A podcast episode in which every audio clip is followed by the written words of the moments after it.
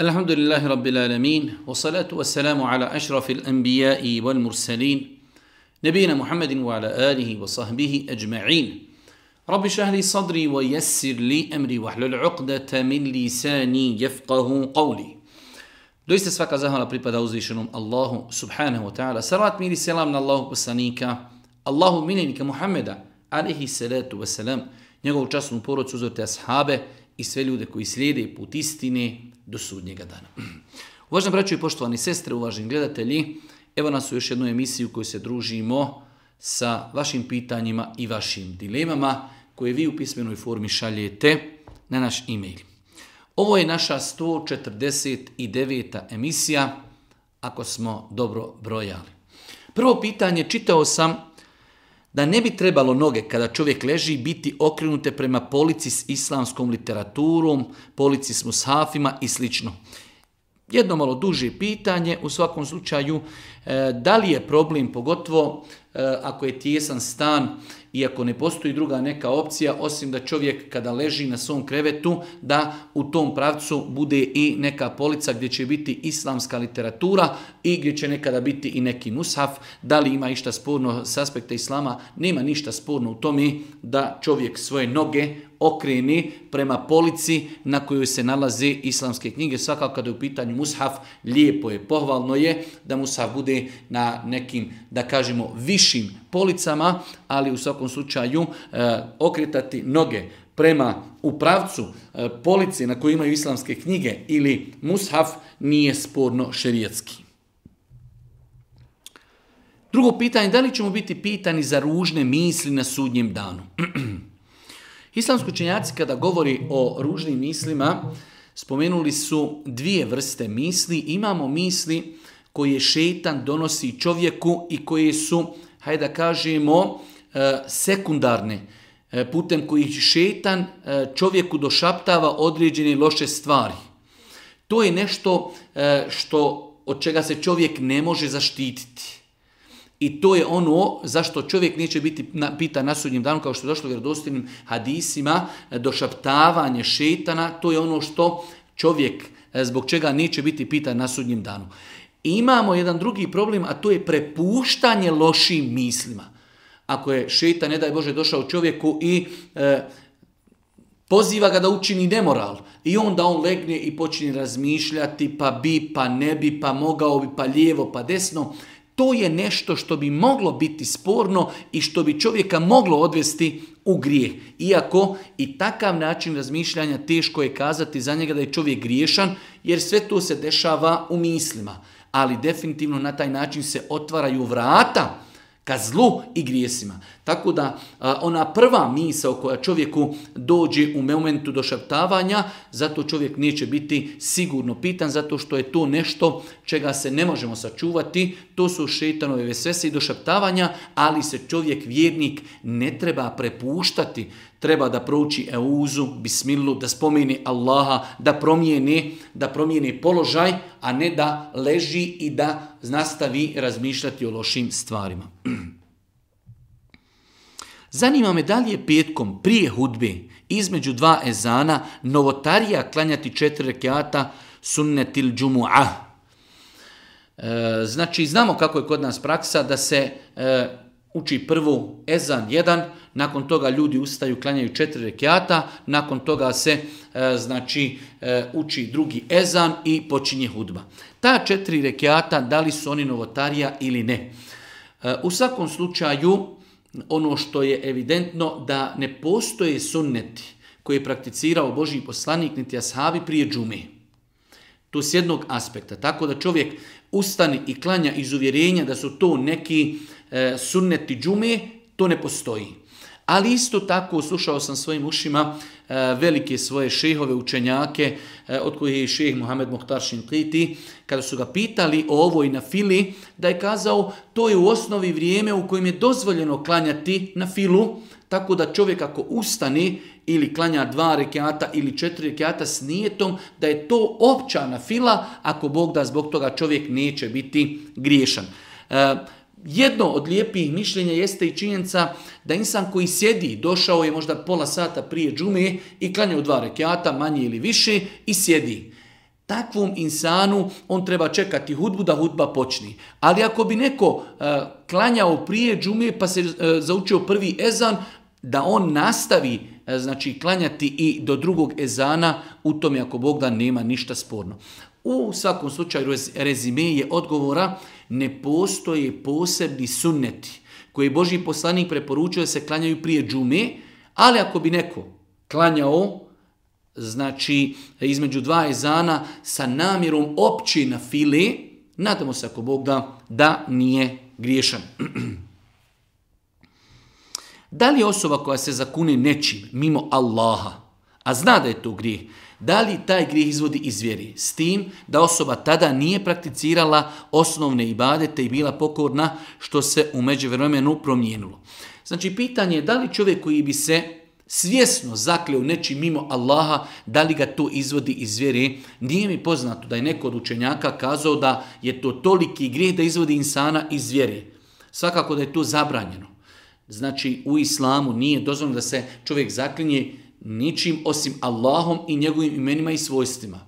Ali ako bi se neko zakleo nečim mimo Allaha, uradio je grijeh, ali nije taj grijeh na levelu da je, ne daj Bože, učinio veliki širk zbog kojeg izlazi iz vjeri. Pogotovo ovdje vidimo da je to insan radio u nekom periodu kada nije bio svjestan, pa je se nakon toga pokajao, vratio, tako da insan, ako je to nekada i radio, pokaje se, iako Bog da, neće za to biti griješan. Peto pitanje, zanima me da li muškarac smije nositi prsten od srebra. Znam da je muškarcima e, nositi zlato haram. Ja bih voljela da moj budući muž nosi prsten, pa ne me zanima da li je to dozvoljeno. U svakom slučaju, postoji mnogo hadisa vjerodostojni u kojima je Boži poslanik Ali Seratu Selam dozvolio muškarcima da nosi, nosi srebreni prsten, Sam Boži poslanik nosio je srebreni prsten, tako da e, propis nošenja srebrenog prstena, e, da kažemo, može se za njega kazati da je pohvalan lijep postupak ili minimalno da je to mubah dozvoljena stvar. Tako da u ovom slučaju e, pitanje zanimam da li muškarac smije nositi prsten od srebra, smije.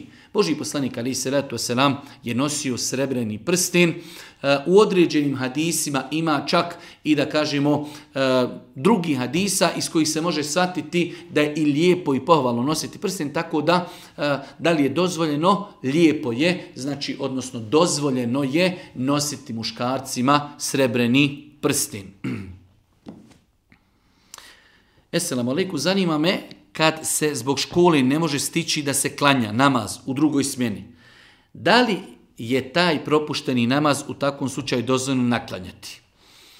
E, jedno pitanje na koje smo mi već nekoliko puta davali odgovore, a to je naklanjavanje namaza koje učenici ne stignu klanjati u školi, Eh, ja sam lično stava da namaz, čije namasko vrijeme prođe da se ne treba naklanjavati, što znači to je jedan veliki grijeh, treba se čuvati tog grijeha, odnosno ne dozvoliti da prođe namasko vrijeme da mi nismo klanjali. Znači dijete pogotovo ako je već ušlo u period punoljetstva, treba da se potrudi, da se izbori, da pita direktora, pedagoga, sekretara, ne znam, nija odgovorni u jednoj školi, gdje i na kojem mjestu uh, on može obaviti svoju moltu, to je njegovo pravo na ispovjedanje vjeri, nas uzvišen gospodar zadužuje punoljetne muškarce i žene da klanjaju, tako da negdje u nekom praznom kabinetu, nekoj kancelariji, u nekoj ostavi, u nekom hodniku, znači dovoljno je da dijete bude spremno da ima abdest, može klanjati i na jakni ili na nekom kartonu, negdje gdje ga, znači gdje neće smetati učenicima,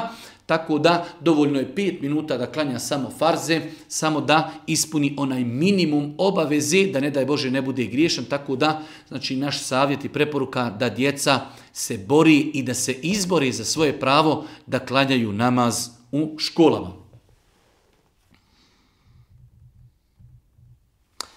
Sedmo pitanje, da li majka, odnosno supruga, ili sestra ili kćerka mogu nositi odjeću od sina oca, na primjer džemper ili neke druge odjevne predmete.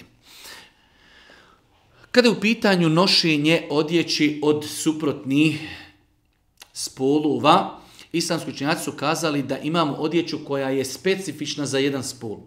Imamo nešto što se zna da je žensko, imamo nešto što se zna da je muško, a imamo dijelove odjeće koji jednostavno nose i muškarci i žene.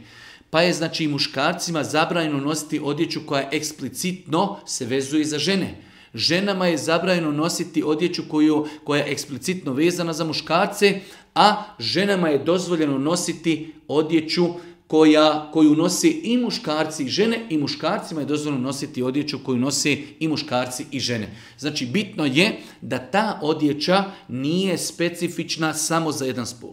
Ako jeste, onda ne treba da to nosi suprotni spol. Znači, imamo odjeću koja je samo za žene i to samo treba da nose žene. Imamo odjeću koju nosi samo muškarci i to treba da nose muškarci a imamo odjeću koju nose i muškarci i žene, to nije sporno da nose znači i jedni i drugi.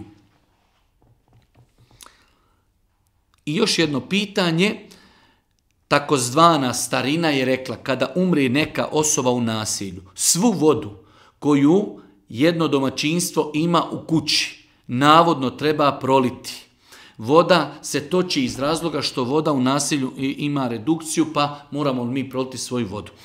E, ovo je samo jedan od nekih običaja koji nema nikakvo utemeljenje. Znači, ako imamo u nekom nasilju da je neko umro, ljudi svi koji vodu imaju natočeno nešto trebaju da proliju tu kao vodu iz nekog ne znam nijakojeg razloga. Prvi put sam to čuo u ovom pitanju.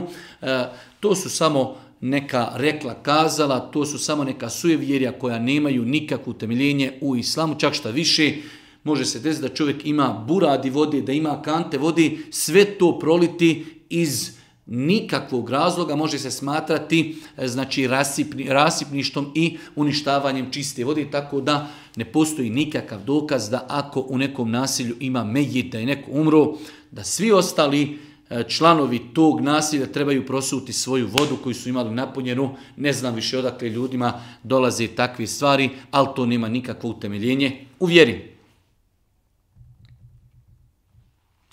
U džamiji nekada žene prođu ispred druge žene koje klanja. Imali ta, imali to kakve posljedice po namaz one koja klanja? Kada u pitanju prolazak ispred klanjača, e, to je jedan od velikih grijeha misli se na prolazak, znači između čovjeka i onog mjesta gdje on čini seđdu. Ako bi čovjek prošao ispred nekoga 3, 4, 5 metara, znači ispred njega to, inšala bizna, nije grijeh. Tako da prva stvar, moramo se paziti kada smo u džami da ne prolazimo ispred klanjača, jer je Boži poslanik Ali se rad sam to strogo zabranio. Druga stvar, eh, imamo vjerodostojne hadise u kojima Allah poslanik spomenuo tri stvari koje kvari ako prođu ispred klanjača, kvari namaz, jedna od te tri stvari jeste i punoljetna žena. Što znači, ako punoljetna žena prođe ispred druge punoljetne žene koja klanja ili punoljetna žena prođe ispred muškarca, namaz takav je pokvaren. Postoji razilaženje kod islamskoj činjaka, ali vjerodostojni hadisi jasno e, naglašavaju da prolazak ženi ispred klanjača kvari namaz. Tako da, ovo je ujedno i savjet našim majkama, sestrama, kada klanjaju da paze, da ne prolaze ispred drugih osoba, jer na taj način poništavaju validnost njihovog namaza.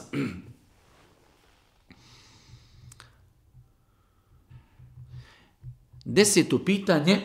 Moj muž toliko igra video igrice da propusti namaz jako me to rastuži i nakon tog postupka osjećam gađenje prema njemu. Jučer sam mu na lijep e, način i lijepim tonom rekla da ističe namalsko vrijeme što on ignorisao. Nakon par minuta sam mu rekla za ćeš stvarno propustiti nama zbog igrica. On je rekao već smo imali ovakve teme, on je ljut na mene kao što ga upozoravam i tako dalje. Pogledajte kakva nam pitanja dolazi da imamo muslimane koji zbog video igrica čine najveći grijeh u islamu koji se može učiniti nakon širka.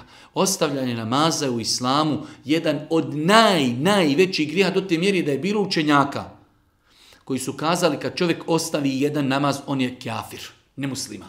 To te mjeri koliko je namaz, e, znači izostavljanje namaza krupan grijeh I čovjek zbog čega ostavlja? Zbog igranja igrica. Ne može dvojiti pet minuta da klanja farze, pa da opet nastavi igrati. I u svemu tome čovjek ljut na svoju suprugu, koja ga podstiče na najljepši način da to što radi je grijeh.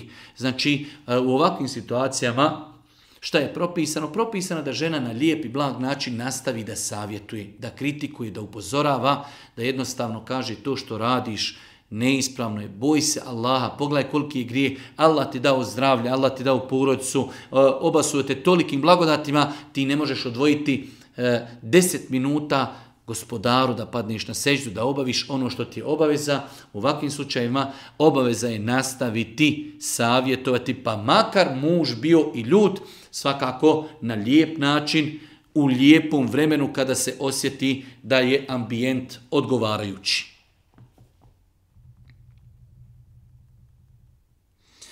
Zanima me jedno pitanje vezi posla. Naime, radim u firmi gdje je vojna industrija, to jest pravimo neke dijelove za granate. Da li je taj posao haram ili halal?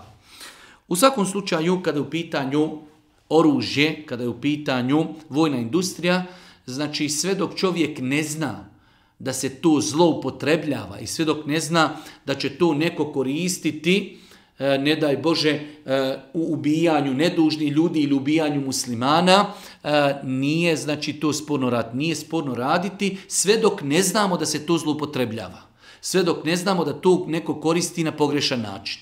Ako neko po, e, koristi oružje koji se proizvede na pogrešan način, svakako da onda nama nije dozvoljeno da učestvujemo u svemu tome.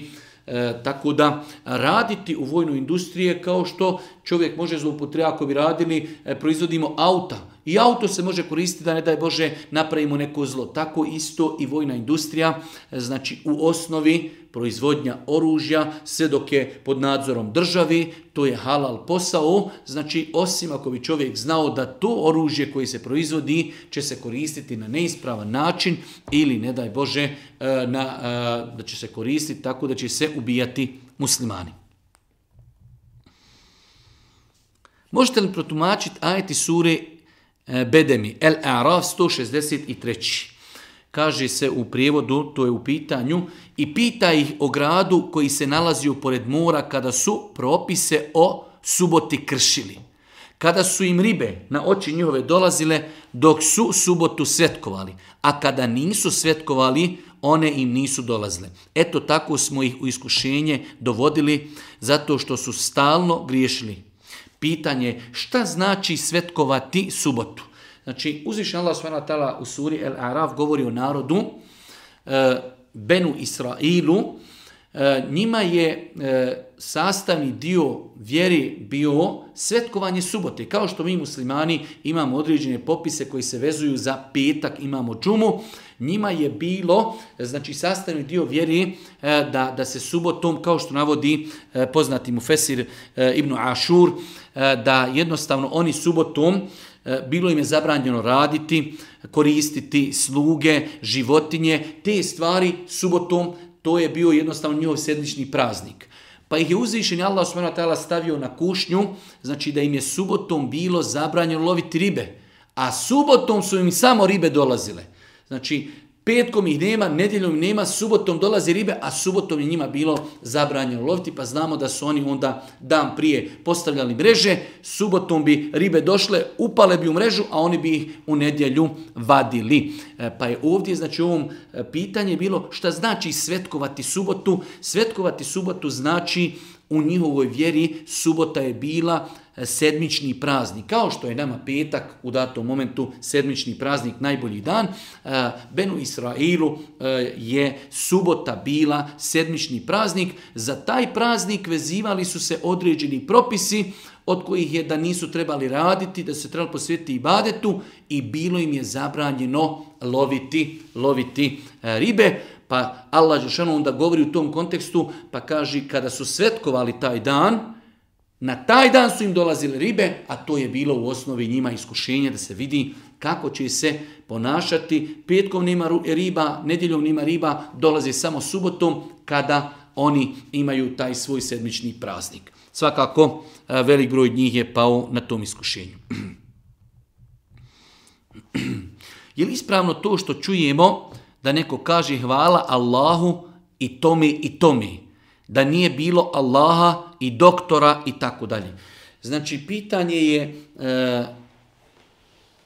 o načinu izražavanja prilikom govora, da li je dozvan da mi kažemo, kao što je ovdje, hvala Allahu i tome i tome. Hvala Allahu i hvala doktoru. E, imamo vjerodostojne hadise da Allah poslanika alaihi salatu selam zabranio da čovjek e, E, zabrani da, e, da čovjek kada govori da je zabranjen da kaže e, ono što je tijel Allah i taj i taj. Znači kada je u pitanju htjenje, nije dozvoljeno nikoga stavljati na ravan sa uzvišnjim Allahom, čak Boži poslanik kada mu je čovjek rekao ono što je tijel Allah i ti što si tijel poslanče. Kaže, zar si me učinio Allahu sudrugom, širkom? Jezički širk znači da e, insan u govoru nekoga digni na nivo sa uzvišenim Allahom. Tako kada je u pitanju i zahvala, bilo koji drugi način e, izgovora i obraćanja treba kazati hvala Allahom, a potom hvala i doktoru da nije bilo uzvišenog gospodara, a potom da nije bilo doktora komšija, prijatelja i tako dalje. Ne smijemo u svome govoru nikoga stavljati Allah i taj taj, nikako. Znači iz edeba prema uzvišom Allahu te barakatala uvijek treba kazati hvala Allahu, a zatim hvala i dobrim ljudima, hvala profesoru, hvala ovome, hvala onome ili hvala znači u bilo kojim drugom načinu obraćanja ne trebamo nikoga stavljati na isti na isti level na istu ravan sa uzvišenim Allahom subhanahu wa taala Živim sa svekrom, svekrom i djeverom. Nedavno sam se pokrila, hoću da vas pitam da li je meni djever mahrem. On je čovjek sa posebnim potrebama. Neki mi kažu da mogu pred njim biti bez marame. Zato jer je čovjek sa posebnim potrebama. Ja sam dodatno ovdje postavio pod pitanje, znači da li je dozvoljeno ženi koja je pokrivena da pred svojim djeverom bude otkrivena zato što je on insan sa posebnim potrebama. Kažu islamski učenjaci, ženi je dozvoljeno da bude otkrivena pred muškarcima koji nisu mahremi ako ti muškarci nemaju požudu za ženama. Ali to da neko bude s posebnim potrebom, čovjek može biti s posebnom potrebom da je, šta ja znam, eh, da jednostavno eh, određen dio tijela mu ne funkcioniše, eh, operisao je se nešto i tako dalje, posebne potrebe. Ali o njemu se određena žena sviđa, ima požudu za ženom, možemo li onda mi reći toj ženi samo zato što on je insan sa posebnim potrebom, ti možeš pred njim biti otkrivena? Apsolutno ne. Znači, djever u osnovi nije mahrem to što djever ima posebne potrebe nije dokaz da žena može biti pred njim otkrivena, žena njegovog brata. Osim u slučaju ako je čovjek s posebnim potrebama da jednostavno na taj način je posebne potrebe da nema požudi za ženama. Jednostavno takav je da jednostavno ne zna šta znači lijepa žena, loša žena, zgodna žena, otkrivena žena, pokrivena žena u takvim slučajima. I čak, kažu islamski učenjaci, i da ne zna ispričati ono što je vidio. Ako čovjek, znači, zna svjestanje, pa da kaže sutra, e, brate, ta i ta žena je dolazla kod nas lijepa, otkrivena, boja kose i tako dalje, pred takvim osobama koji imaju požudu za ženama i koje znaju opisati ono što su vidjele, nije dozvoljeno da se otkrivaju žene, kojima oni nisu mahrem. Znači, govorimo da se žena otkrije pred muškarcem koji njoj nije mahrem. Dozvoljeno ako taj muškarac nima požudu i ako taj muškarac ne zna upisati šta je vidio, ako zna upisati šta je vidio i ako ima požudu prema ženama, bez obzira što ima posebne potrebe, nije dozvoljeno pred njim da ne nosi hijab. Jedno malo duže pitanje radi se u jednoj sestri koja se vratila vjeri pa kaži, U prošlosti sam bila jako nemoralna, radila sam sve zabranjene stvari, bila sam udata, imam dijete. E, vratila sam se sada vjeri. Svi u okolini znaju kakva sam bila ranije, nikakav ozbiljan momak ne želi da stupi sa mnom u kontakt, imam toliko godina, šta sada da radim? Nekada im ponestene strpljenja, pa prestane da se nadam i dovim i tako dalje. Znači imamo jednu klasičnu situaciju gdje je osoba e, radila određene grijehe, vratila se vjeri, ali okruženje, okruženje zna njenu historiju. Pa niko sada ne želi da tu ženu prihvati, da bi je ponudio joj brak i tako dalje. Šta u takvim situacijama raditi? U takvim situacijama preostaje samo čovjeku da dovi Allahu Đelešanu, da ga zaštiti, da ga sačuva, da ga učesti na putu istine i ostaje mu da sabura, da strpi se. Nema ništa drugo što može uraditi, ne možemo mi ljudima na silu mijenjati mišljenje o nama. Mi smo pokorni Allahu, vratili smo se Allahu, Đelešanu, shvatili smo istinu, doći će onaj ko svata vrijednost takve osobe, bez obzira što je bila nemoralna, bez obzira što je bila, znači imala grijehe, možda će sa takvom osobom proživjeti ljepši život nego da je možda u startu ženju, kažemo možda, možda neku osobu koja možda i nema neku lošu, neku lošu prošlost. Tako da, e, znači to što jedno društvo ne prihvata nekog kao pokajnika, to je greška. Osnova je ako vidimo da se ljudi vraćaju Allahu, makar bili u prošlosti i nemoralni i loši, treba da im damo ruku spasa. Mašal, Allah vas nagradio, da vas Allah učvrsti, da vas pomogni, možemo vam šta pomoći, tako da, nažalost, naš mentalitet je uh, da insan koji jednom činio grijehe, to mu se nikada ne zaboravlja. Šta mi možemo? Možemo doviti, možemo biti ustrajni na putu istine, možemo saburati, a doći će neko ko će to znati, cijeniti i vrednovati. Uvaženi šeji, da li je nema muslimana dozvan prisutovati sahrani osobe koja nije bila musliman? U svakom slučaju, ako insan ima obavezu, ima potrebu, očekuje se od njega da dođe na neku sahranu, e, osobe koja nije musliman, može doći bez učestvovanja u bilo kakvom ritualu ili da kažem ibadetu vezan za ukop i bez da upućuje Allahu dovu za tu osobu ako je jasno umrla u nevjerstvu. Znači čisto da dođe iz nekog respekta prema porodici, prema, zato što je možda tu osobu poznavala i iz uh, razloga da uzmi pouku i poruku, znači vidi, ode insan, nije vjerovao, mi muslimani vjerujemo da osoba koja umri ide vječno u džehennem, da jednostavno to bude razlog zašto je došao. Respekt prema porodici, respekt prema osobi i da uzmi pouku i poruku. Nije dozvoljeno učestvati u bilo kakvoj ceremoniji, niti je bilo dozvoljeno doviti Allahu da se toj osobi smiluje da oprosti. E, u takvim uvjetima, ako ima potreba da se dođe, ako Bog da, nije grije. Kako razumijeti hadis o zabrani skidanja odjeće ženi izvan njene kući? Znači imamo hadis, vjerodostojen hadis, da je Allah poslanik alaihi salatu wasalam kazao koja, a, koja god žena skini odjeću van svoje E, kući svoga muža, uklonila je zastor, stida koji između nje i Allaha. Znači imamo vjerodosven hadis da Allah poslani kazao koja god žena skini odjeću van kući svoga muža. Uklonila je zastor koji je bio između nje i Allaha. Znači jedan hadis koji po svojoj vanštini znači da žena gdje god bude izan svoje kuće ne smije skidati mahramu ili skidati islamsku odjeću što bi sigurno predstavljalo jednu veliku poteškoću, žena je otišla kod svoje majke, otišla u goste, otišla kod nekih sestara u posjetu da ne smije skidati hijab, pa su islamski učenjaci ovaj hadis protumačili na način da e, se ova prijetnja i zabrana odnosi na situacije kada žena izađe iz kuće i nije sigurna da li će neko vidjeti ako bi skinula mahramu ili ne.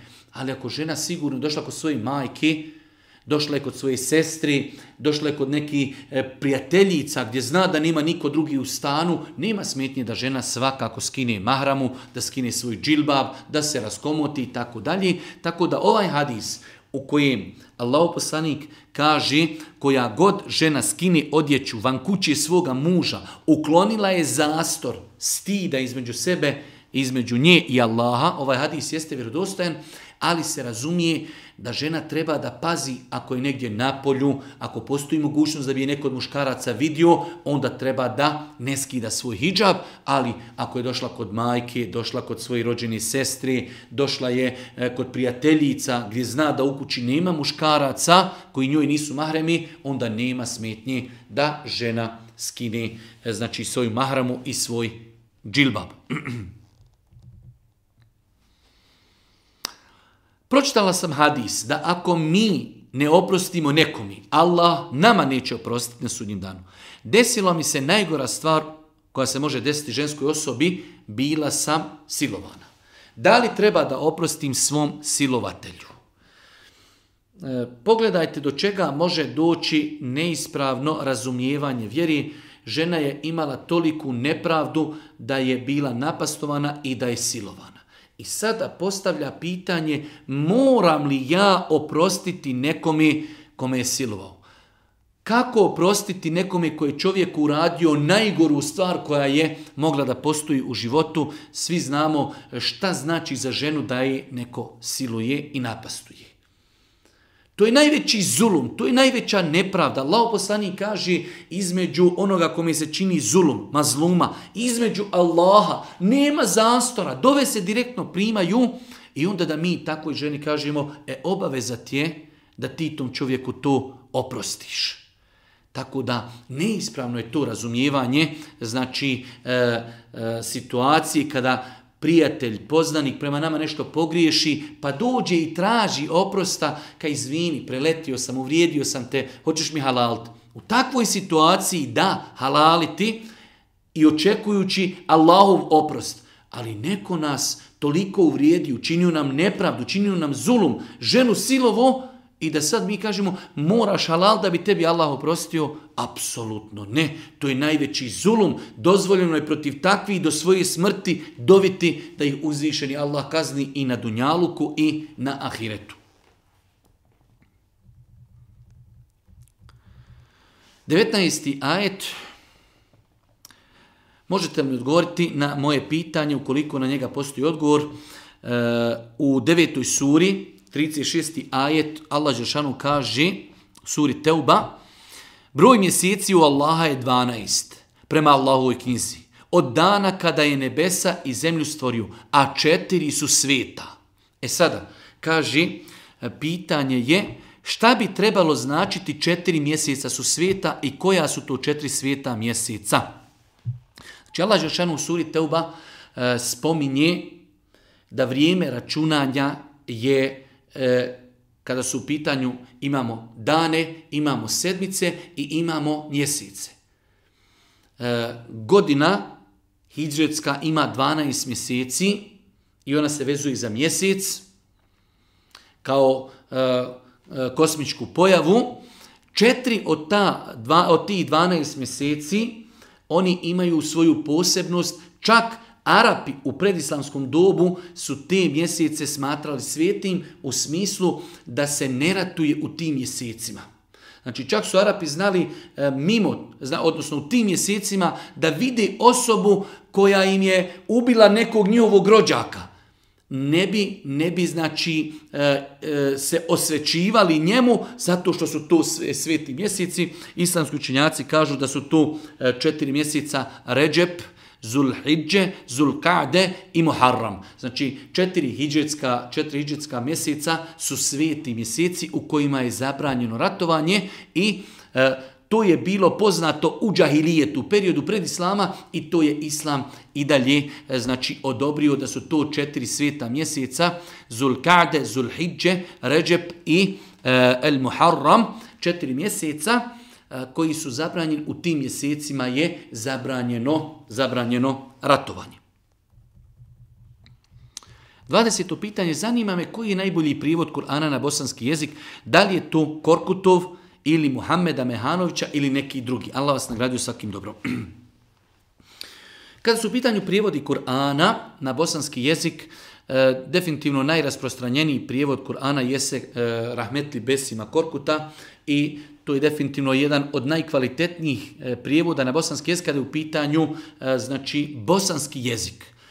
S druge strane, sa kideske strane, u prijevodu Besima Korkuta imaju određene e, neispravnosti, greške, odstupanja od akide ehli sunneta u džemata, tako da insan koji čita prijevod Besima Korkuta, treba da pazi da određene stvari kada je u pitanju akidet, kada su u pitanju svojstva uzvišnog Allah subhanahu wa ta'ala, kada su u pitanju termini arš, kada je u pitanju kursi, e, znači i određene druge stvari e, imaju određena odstupanja od akide ehli sunneta. E, u tom kontekstu e, Eh, prijevod Kur'ana od eh, našeg profesora Mehmed, eh, Mohameda Mehanovića definitivno je kud i kamo bolji i kvalitetni. Ono što znam da je eh, profesor Hafiz Mehanović eh, ukazao i popravio te određene greške koje su bile prisutne u prijevodu Rahmetli Besima Korkuta, tako da eh, osoba koja baš želi da čita eh, ispravan prijevod na bosanskom jeziku Kur'ana, onda je definitivno to e, prijevod Mehanovića. Svakako, znači, prijevod Besima Korkuta je kvalitetan, dobar, e, dobar način izražavanja, prenošenja značenja ajeta, ali definitivno imaju određene greške u pogledu, znači, ajeta koji govori o određenim pitanjima akide. Hvala.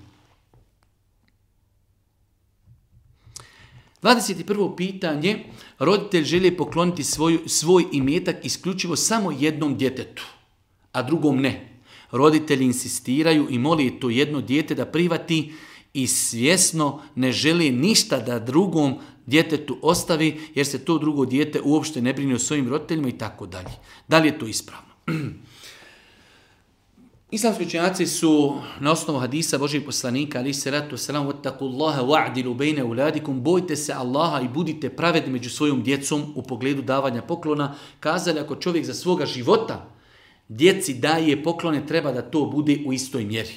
Tako da u ovom slučaju, znači ako roditelji imaju dvoje djece i kažu želimo za života tebi sve da damo, to nije ispravno nije ispravno, znači ili će dati isto obojici ili neće nikome ništa davati, nakon smrti svako će dobiti svoj dio ono što mu e, islam i šerijet odrijedi, tako da e, ako će davati onda treba da budu pravedni u svemu tome, osim u situacijama ako određeno dijete ima posebne potrebe, kao u slučaju čovjek ima dvoje djece pa je jedno vrijeme dijete došlo u period da ide na fakultet. Mora mu treba da mu pomogne ili hoće se oženi ili da mu kupi auto, ne možemo mu reći e kupi auto i ono mi je djeteto tri godine i ovo mi je od 25. Ne, on će pomoći kupiti auto ovome koji je stariji s namjerom i nijetom kada i ovo djete drugo koje je mlađi naraste i njemu ću isto tako uraditi. Tako da, osnova je hadis kojeg bilježi i Buhari je muslim da Boži poslanik rekao bojite se Allaha i budite pravedni prema svojoj djeci u poklonima. Znači trebamo dijeliti kada dajemo pokloni djeci da to bude isto. Prije nekoliko dana sam čula jednu ilahiju i mnogo mi se dopala, ali me malo zbunjuje jedan dio teksta gdje se spominje hadis. Nisam stručnjak za hadise, ali ga nikada nisam čula. Bar onako kako, kao što se hadis čuje u spominu i tako dalje pretraživala sam po internetu, nisam mogla naći, tako da je radi se o ilahi, tragao sam danima da upoznam Alija, Aliju radi Allah. Kroz vrata sam kročio u grad znanja Ahmeda, na vratama pročita ime Ibnu Ebi Taliba i tako dalje.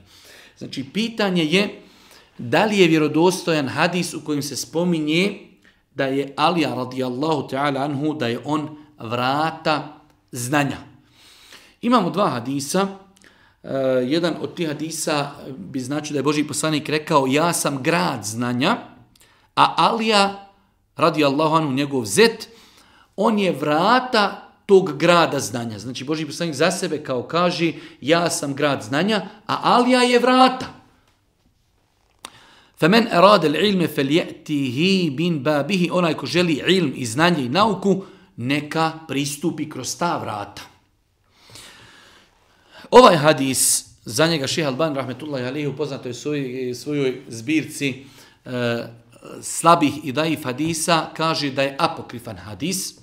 Ima drugi hadis da je Allah poslani kazao ja sam kuća mudrosti, a Alija je vrata te kući. I taj hadis za njega, imam tirmizi koji ga inače prenosi, kaže da je munker. U svakom slučaju, ima dio učenjaka koji je određene ove rivajete smatrao Hasan i dobrim. Oni u datom momentu ukazuju na vrijednost Ali radijallahu ta'anhu, ali isto tako u velik broj učenjaka je kazao da su ovo apokrifni munker hadisi. Mi nemamo potrebe da se oslanjamo e, na dokazivanju vrijednosti ali je na apokrifne hadise.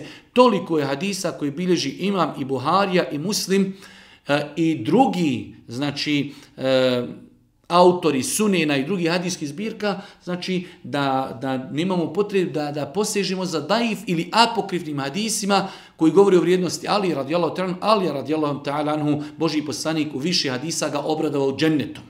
Ali moramo paziti, s ovakvim hadisima se želi e, prometnuti ideja da je Alija radijalahu posebni, bolji od Ebu Bekra, Omera i Osmana i tako dalje, što je totalno netačno. Akida ehli sunnet vel džemata jeste da Alija ima svoje vrijednosti. Jedan od četvorici pravedni halifa, Allah poslani ga obradovao džennetom u viši vjerodostini hadisa, ali, znači, e, Od njega je bolji Ebu Bekr po konsenzusu učenjaka, od njega je bolji Omer radijallahu teranhu, od njega je bolji Osman radijallahu teranhu i bilo koji hadis koji narušava ovaj redoslijed, znači ili je neispravan ili ga treba ispravno razumjeti i protumačiti. Tako da je to redoslijed e, boljitka ashaba Božih poslanika, najbolji među njima Ebu Bekr, pa Omer, pa Osman, pa Alija, i mnogo je vjerodostojnih hadisa koji govori o vrijednosti Ali radi Allah tanu, tako da nemamo potrebe da posežimo za apokrifnim, e, lažnim hadisima, munker hadisima koji govori o Ali, kada imamo toliko vjerodostojnih hadisa koji govori o njegovom posebnom mjestu u islamu, kod Božijeg poslanika, e, u ummetu, ali svakako da to znači ima svoju granicu, od njega je bolji Ebu Bekr i Alija, e, od njega je bolji Ebu Bekr i Omer i Osman radijallahu ta'ala anhum. Da li je ispravno da dvije žene zajedno uđu u taksi, da li se to smatra osamljivanjem sa vozačem? Mi znamo da je Allah poslanik vjerodostojnim hadisima zabranio da žena se osami sa čovjekom.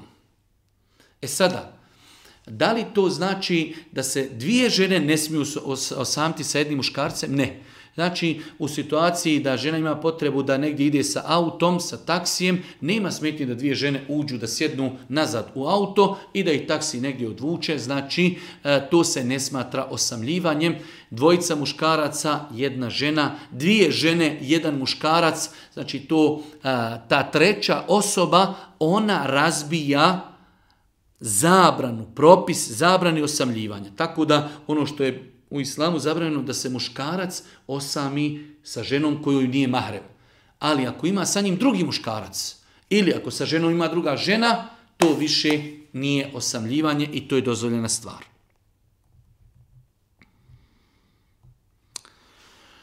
Nisam znao da ukoliko imam abdest, jacijski, i zaspim, pa se probudim na saba da se taj abdest gubi. Klanjao sam godinama bez abdesta. Da li je moj sabah namaz ispravan, da li sam griješan? Znači imamo jednog našeg brata koji je mislio da kada klanja jaciju sa, a, a, namaz sa abdestom i legni spavati kada ustane na sabah da ima abdest, jer kao ništa nije uradio što kvari abdest. Tačno je mišljenje da dubok san kvari abdest da čovjek zaspi e, lakim snom gdje mu glava znači pada i kljuca, to ne kvari abdest. Ali da čovjek zaspi do te miri da ne zna ili spava u 10 minuta, sat vremena ili dva tvrdim snom, to kvari abdest. Samim tim osoba koja legne spavati poslije jacije, sutra kada ustane na saba, apsolutno, apsolutno mora abdestiti.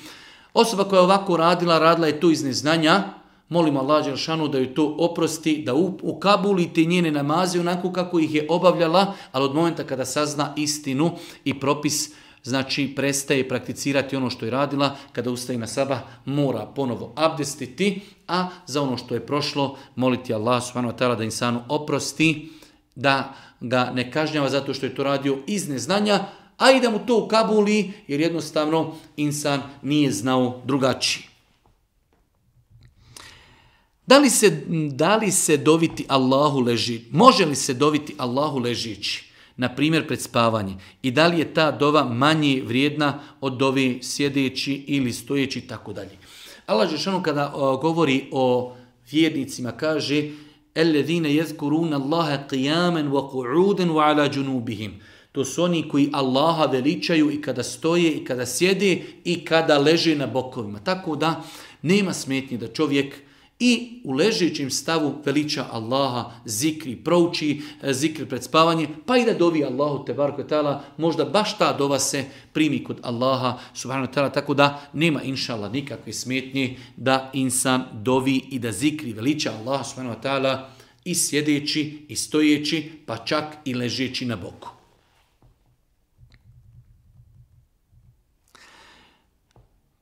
Pitanje vezano za propis rukovanja sa starim ženama koje nam nisu mahremi. Da li je i sa njima zabranjen rukovat se jer su stare i ne bude strasti u čovjeku? U svakom slučaju, e, argumenti koji zabranjuju rukovanje sa ženama su općeg karaktera, tako da treba tako to i prihvatiti. Sama činjica da, da pravimo razliku stara žena i mlada žena, e, vraćam, odmah padamo jedan veliki problem, a šta znači stara, šta znači mlada, nekome mlada žena nije smutnja, možda mu je starija žena smutnja, nekome žena od e, 40 godina je starija, a nekome nije ni 60 i tako dalje, tako da su tu pitanja koja je izuzetno teško precizirati šta znači starija žena, šta znači mlađa žena. Tako da propis rukovanja sa ženama kojima čovjek nije mahrem su općeniti propisi, tako da čovjek treba da e, praktikuje ovaj propis da izbjegava rukovanje sa ženama kojima on nije bio mahrem, bile one mlade, bile one starije.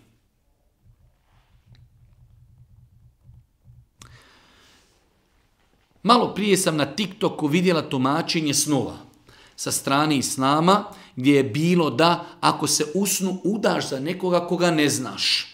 Ne znaš mu porijeklo, ime i tako dalje. To je znak blizine smrti. Ja sam to sanjala i potresla sam se i tako dalje. E, žena je sanjala se udala za nekoga koga ne zna. Ali čula tamo na nekom TikToku da neko tumači ako sanjaš da se udaš za nekoga koga ne znaš, brzo ćeš umrijeti. I sada briga, tuga, stres, depresija došla nam je od nepoznavanja propisa, ne tumači se snovi preko TikToka.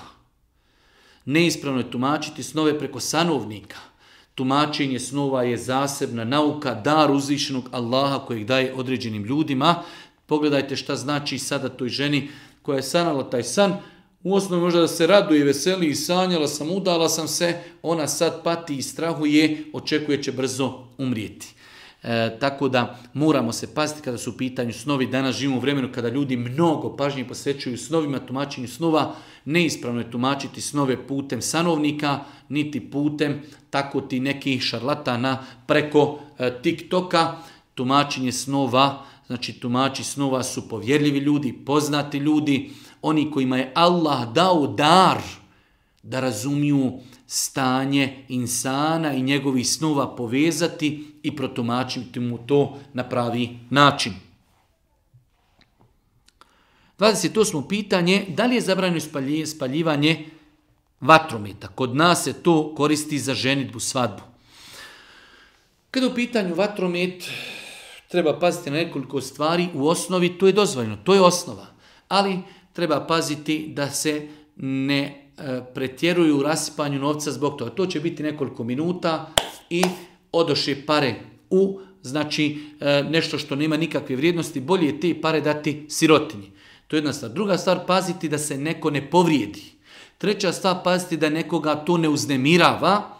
I četvrta stvar, paziti na zakone državi, Da li je to dozvoljeno, da li nije nekada u određenim zemljama postoje e, pravila, zakoni, da je to kažnjivo, da može u određenom periodu, do određenom ne može, znači treba se pridržavati tih pravilnika jer su oni u osnovi postavljeni da bi zaštitili ljude, njihove živote i znači e, da bi od njih odagnali ono što im smeta. Tako da ako se ispuni svi ovi uvjeti, onda za lao pomoć nije sporno da se znači prilikom sadbe organizuje i neki manji vatromet.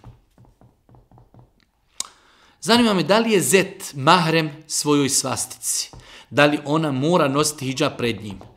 Znači čovjek je oženio ženu, ona ima sestru. Da li je on mahrem njenoj sestri i da li ona treba pred njim da nosi mahramu? Zet nije mahrem svastici. Njemu je zabrajno stupiti u brak sa svastikom trenutno. On njoj nije mahrem samim time, ona sa njim se ne može osamljivati, ne može se sa njim rukovati i treba pred njim da nosi hijab. Treba pred njim da nosi hijab.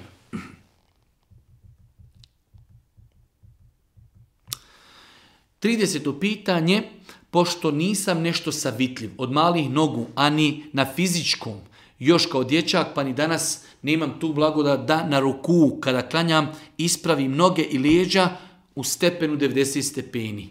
Da li mi je namaz ispravan ako ne mogu e, ispružiti leđa na ruku u pravcu, znači 90 stepeni. Či znači, imamo određene osobe koje jednostavno, e, takvo im je tijelo, takva je znači njihova, e, da kažemo, gra, građa njihovog tijela, da ne mogu ispraviti leđa kada odu na ruku. E, ispraviti leđa je od sunneta lijepo i pohvalno. Tako je radio Božji poslanik, čak je došlo u rivajetim i predajama, da toliko bi ispravio leđa na ruku, kada bi se voda prosula njegova leđa, ta voda ostala. Ali je to nešto samo što je sunnet.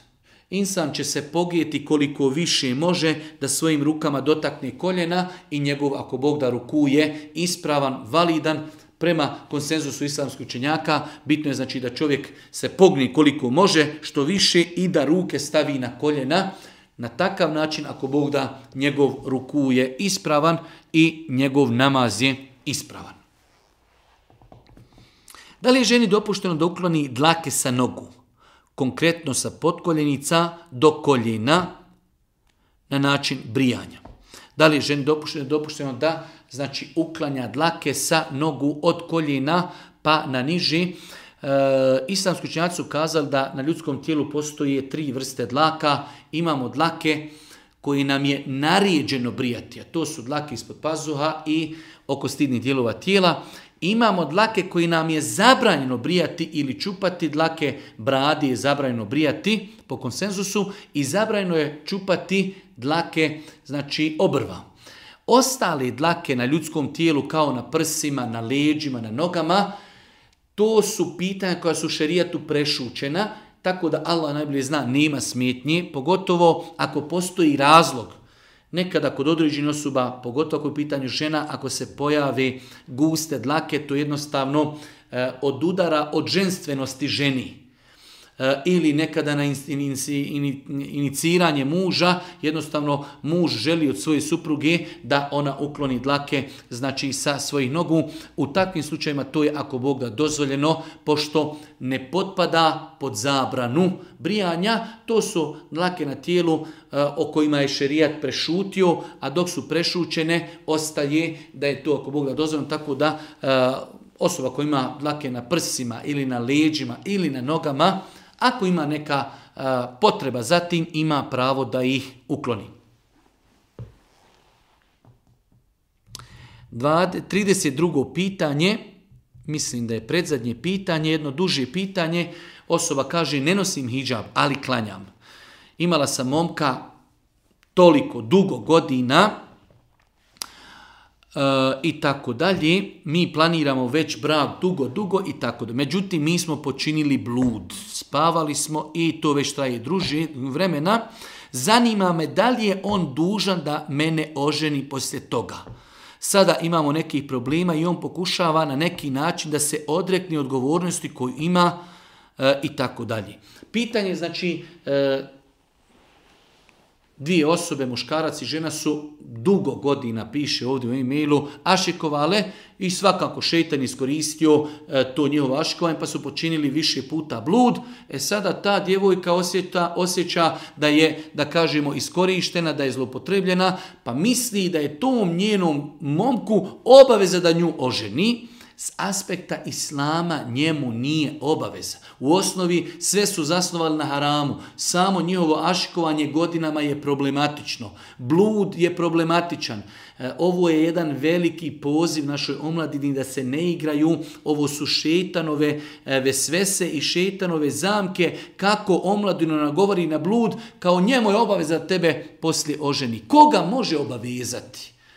Moma kaže ženi, pa kao što si činila sa mnom nemoral, možda ćeš činiti sa nekim drugim. Ti si, znači, ne vrijediš. I ovo je poziv našim omladincima. Blud, nemoral je zabranjen. Haram, kako prije braka, tako i nakon braka. Znači, e, ako već neko želi intimu, ima potrebe, neka se ženi i na halal dopušten način da to, e, znači, upotpunjuje.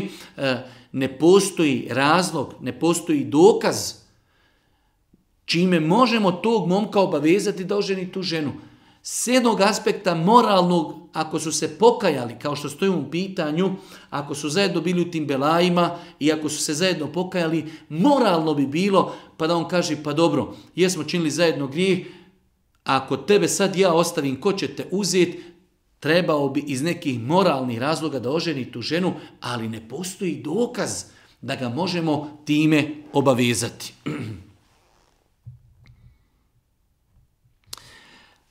Predposljednje pitanje, ako žena radi od kući i na tom poslu ima kontakt sa muškarcima putem telefona ili e-maila, kakav je propis za takvu situaciju ili žena može samo raditi ako nema nikakav kontakt s muškarcima.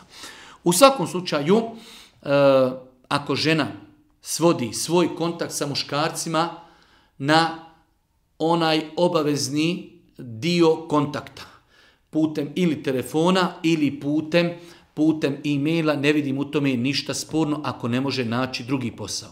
Znači, ako žena ima potrebu za poslom, ako ne može naći drugi posao, ima posao gdje putem telefona mora kontaktirati sa određenim radnim kolegama, svakako će kontaktirati sa profesionalno, samo sa, za ono što je potrebno vezano za posao, bez ikakvog kikotanja, bez ikakvog uljepšavanja glasa, bez ikakvih emocija, ili putem e-maila dopisivanja ako postoji potreba za tim poslom, ako će to svoditi na minimum komunikacije profesionalno samo vezano za posao, ne vidim u tome ako Bog da ništa sporno. Posljednje pitanje. Da li je u islamu dozvoljeno konzumirati snus? Je li snus haram ili nije? E, čitajući o snusu, islamski učenjaci su već davno dali fetve, da je to zabranjeno, e, ne treba nam, što bi rekao, e, veći dokaz da je to zabranjeno od dvije činjice. Prva stvar, koliko mi je poznato, u skoro svim zemljama Evropske unije zabranjeno je konzumiranje snusa, prodaja i tako dalje.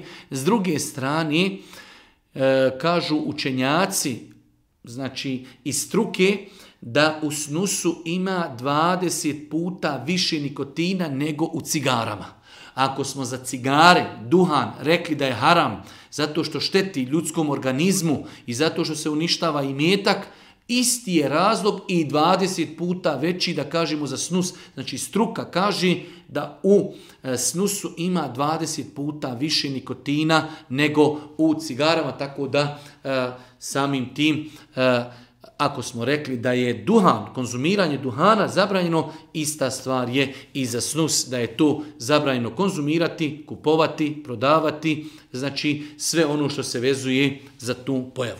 Molimo zvišnog Allah s.w.t. da nam podari korisno znanje, da nas učinu na putu istine i na kraju subhaneke, Allahumma da bihamdike, ešhedu en la ilaha ilan stafiruke, ve etubu ilaik. Oh, ah. oh, oh.